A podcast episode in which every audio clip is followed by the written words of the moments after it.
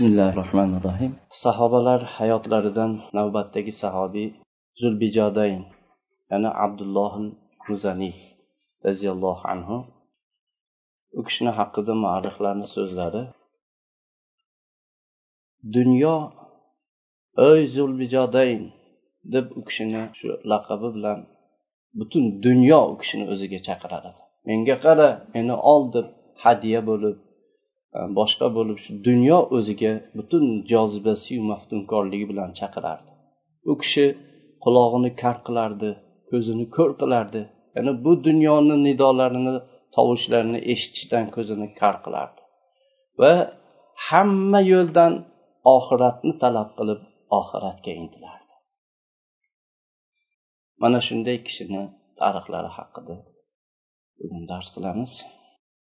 Madinai munavvaradan makkai mukarramaga ketayotganda madinadan chiqib makkaga ketayotganda yo'lda o'ng tarafda musofirni ya'ni ketuvchini o'ng tarafida yam yashil yonbag'irlari yashil bo'lgan cho'qqilari nihoyatda ko'rkam soyalari keng qalin e, varqon deb ataladigan bir tog' bor. Bu tog'ni e, ichida muzayna degan bir qabila yashaydi. Mana shu tog'ga yaqin daralarning birida ya'ni madinadan yaqin bu tog' o'zi makka bilan madina o'rtasida madinaga yaqinroq. Shu tog'ni daralarida abdul uzzo ibn abdunahm muzaniy degan bir chaqaloq dunyoga keladi. Ota onasi nihoyat muhtoj bo'lgan xonadonda. Bu chaqaloqni dunyoga kelishligi makkai mukarramada bu nur risolat nurini boshlanishidan ozgina zamon ilgari bo'lgan. Lekin o'lim bu muzaniylik chaqaloqning otasiga tezda o'lim yetadi. Hali bu bola yo'lga kirmasdan turib. Endi o'zi faqir xonadon edi. Unda ham dadasi o'ldi. Bu bolaga ham yetimlik ham faqirlik bu bolani qamrab oladi.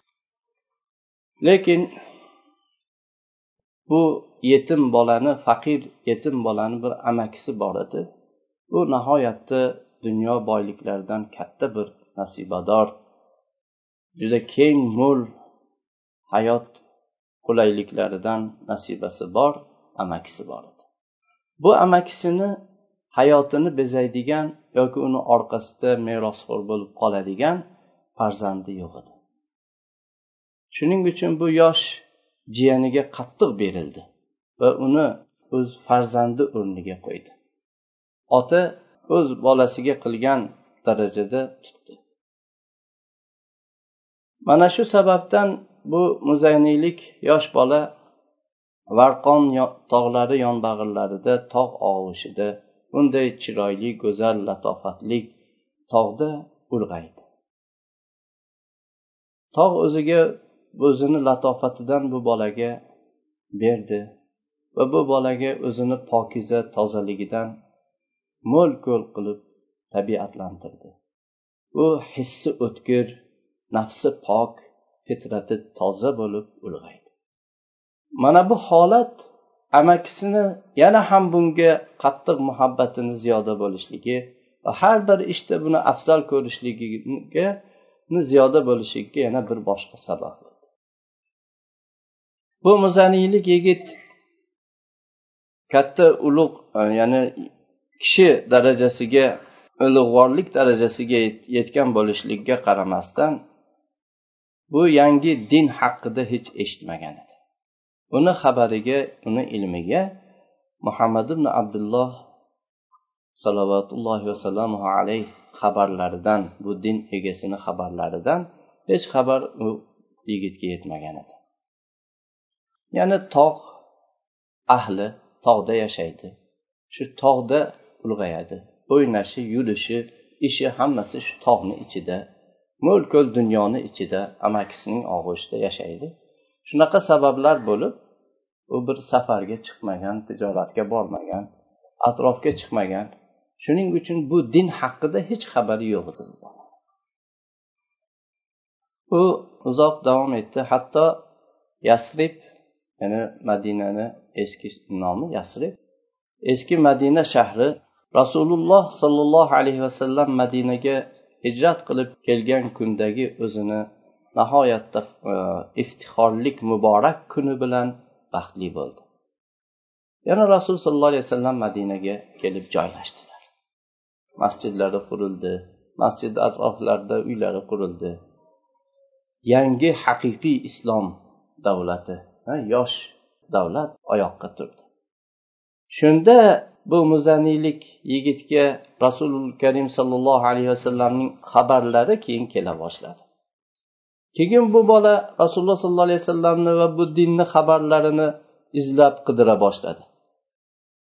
Hatto bu ko'pincha kun bo'yi shu madinadan makkaga ketadigan yo'lni chetiga chiqib olib borayotganlar qaytayotganlardan xabar so'rab yana bu yangi din haqida va dinni ansorlari haqida o'zini ishtiyoqlik savollarini berib butun kunini shu yo'l bo'yida o'tkazar edi ulug' payg'ambar sallallohu alayhi vasallam u kishini xabarlari haqida so'rab kunini o'tkazar edi hatto alloh taolo bu yigitchani pokiza qalbini islomga ochdi. Va u kishining yosh qalbiga iymon nurlari yetdi. Iymon nurlariga yosh qalbi ochildi. Va ashhadu an la ilaha illalloh va anna muhammadar rasululloh deb u kishi shahodat keltirdi. Islomga kirdi.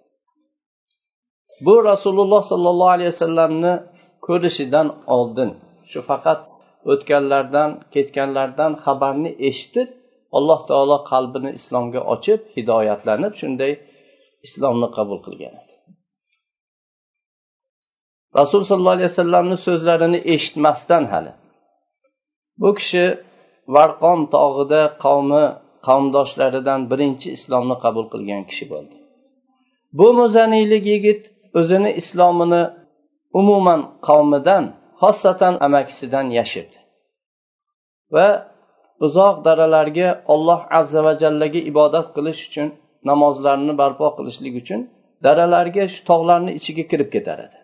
Odamlarni ko'zidan yashirinib shu shunday ketib qolar edi.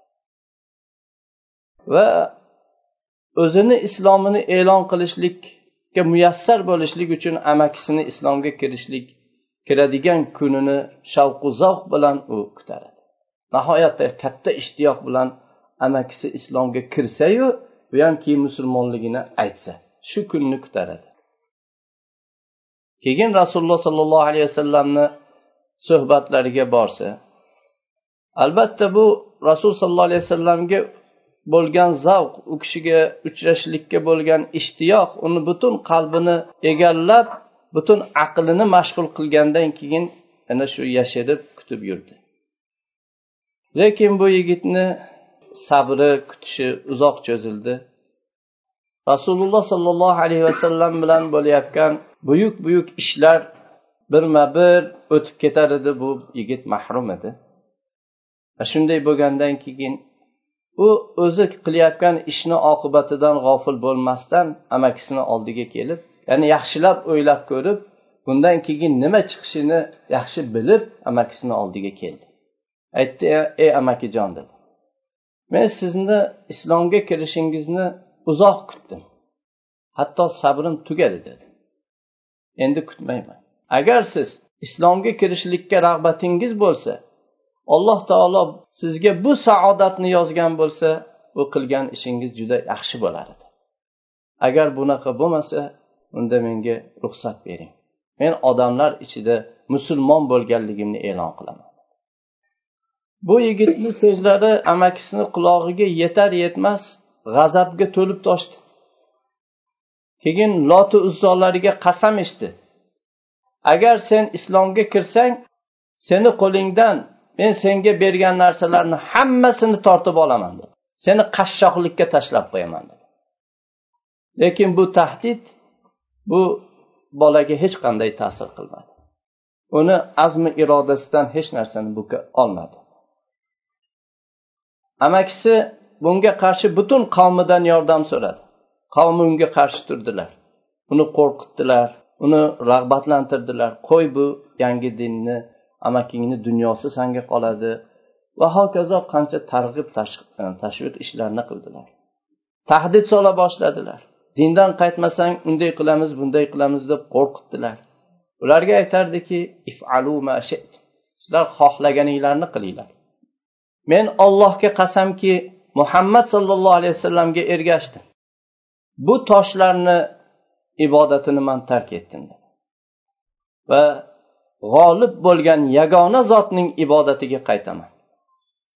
Undan keyin sizlardan amakimdan nima bo'lsa bo'lsin dedi.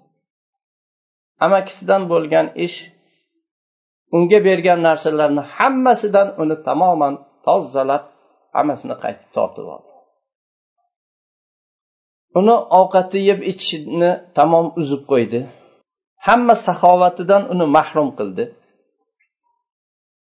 Faqat uni jasadini yopadigan ya'ni yalang'och ko'chaga chiqarib yubormaydi dedi. Bir burchakda yotgan yo'l yo'l bo'lgan bir rangi o'chgan xunuk bir kiyimni e, matoni ustiga tashladi. Hatto tanasidagi kiyimlarni ham yechib oldi. Shu bir eski matoni ustiga tashladida ko'chaga chiqarib tashladi. Shunda bu muzaniylik yigit o'zini dinini ollohu rasuliga muhojir bo'lib o'zini orqasida butun yoshligida kindik qoni to'kilgan joy va yoshligida o'ynab kulib ulg'aygan e, joylarini hammasini qoldirib ketdi. Amakisining qo'lidagi boyligu noz ne'mat hammasidan yuz o'girib ketdi. Ollohni huzuridagi rag'bat ollohni huzuridagi ajru mukofotga savobga jannatga qiziqib rasuli olloh rasuliga hijrat qilib ketdi. Madina tarafga qarab shunday oshiqar edi uni madinaga bo'lgan zavq qalblarni tilka pora qilar. Shunday shoshilib qo'lidan yetaklab madinaga tortardi. Madinaga yaqin borganida ustidagi bu eski qo'pol qo'nik matoni olib ikkiga bo'ldi. Bir qismi bilan shu belidan pastini yaxshilab o'radi. Ikkinchisini shu ustiga tashladi. Keyin rasululloh sollallohu alayhi vasallamni masjidlariga kechqurun kirib bordi. Bu kechani u yerda o'tkazdi. Ertalab tong ottirgandan keyin nabiy sollallohu alayhi vasallamning hujralarini eshikka yaqin borib o'tirdi. Juda katta ishtiyoq bilan zavq bilan u rasul sollallohu alayhi vasallamni xonalaridan chiqishlarini kutib o'tirar edi. Rasululloh sollallohu alayhi vasallamga ko'zi tushishligi bilan uni yuzida quvonch ko'z yoshlari shunday quyilib keldi.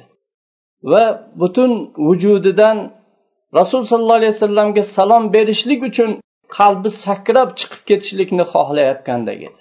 Shunday boshini egdi. Yum yum yig'ladi. Ya'ni quvonch yig'isi bilan rasul sollallohu alayhi vasallamni ko'rganlaridan yig'lar edi namoz boshlandi. Namoz tugagandan keyin nabiy sollallohu alayhi vasallam o'zi odatlariga ko'ra odamlarni yuzlariga birma bir qarab chiqdilar. Va bu muzaniylik yigitga qarab ey yigit siz qayerdansiz? deb so'radi u o'zini tanitdi. Oting nima? dedilar. Abdul uzzo dedi. Rasululloh sollallohu alayhi vasallam unga balki sen abdullohsan? ya'ni uzzo ularni johiliyatdagi butuni nomi edi. Sen ollohni bandasi abdullohsan dedilar. Keyin unga yaqin bordilar. Aytdilarki bizga yaqin turing. Bizni mehmonlarimiz jumlasida bo'ling dedilar. Odamlar mana shu kundan boshlab abdulloh deb chaqirar edilar. Sahoba ikromlar roziyallohu anhu u kishini bu ikkita o'ralgan yo'l yo'l matosini ko'rgandan keyin uni bijoda deb aytilar edi. Va bu mato haqidagi qissalarni eshitgandan keyin u kishini e, zulbijodayn deb ikki bijoda ikki mato egasi degan laqabni qo'ydilar. Tarixda ko'proq mana shu laqab bilan u kishi tanildilar.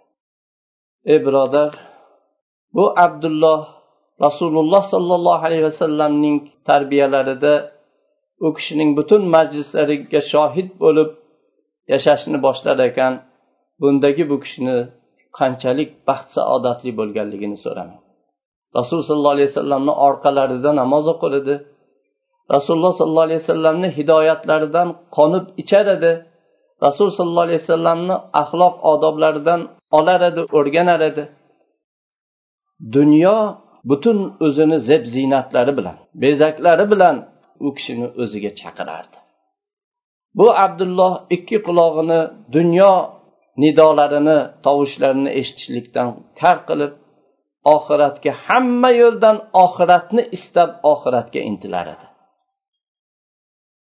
Nihoyatda qattiq qo'rquv bilan xushu bilan iltijo qilib duo bilan oxiratni izlar edi.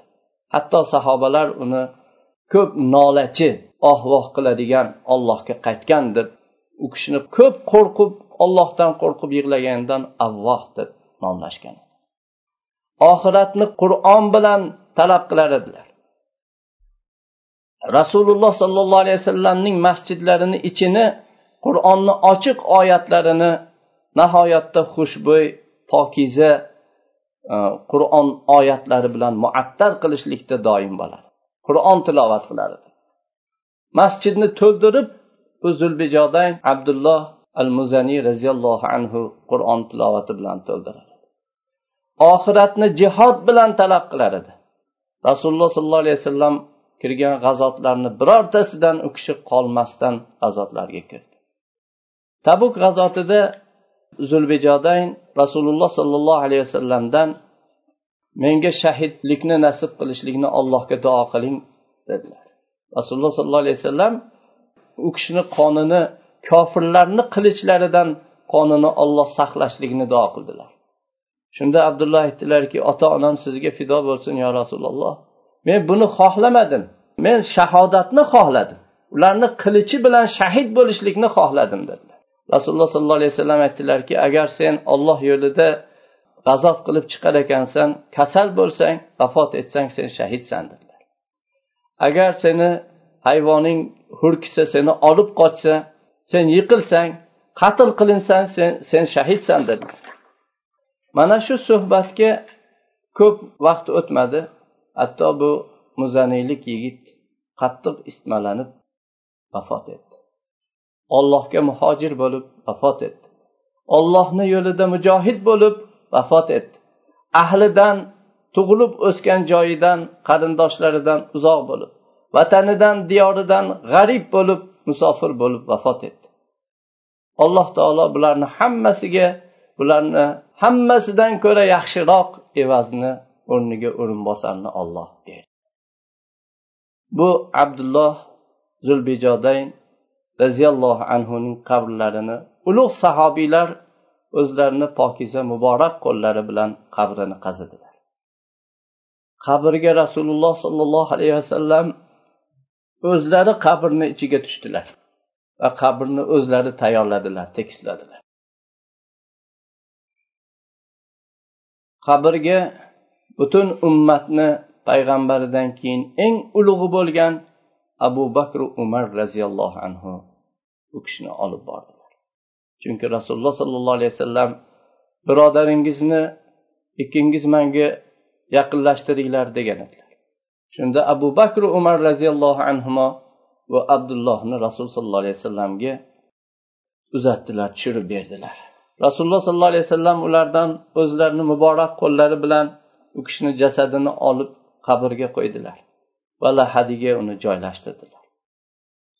Abdulloh ibn masud bularni hammasini guvohi bo'lib qarab turar edilar. Abdulloh ibn masud aytadilarki men bu abdulloh muzaniy zulbijodandan o'n besh yil ilgari islomni qabul qilgan edi koshki edi bu chuqurning egasi men bo'lsam dedilar.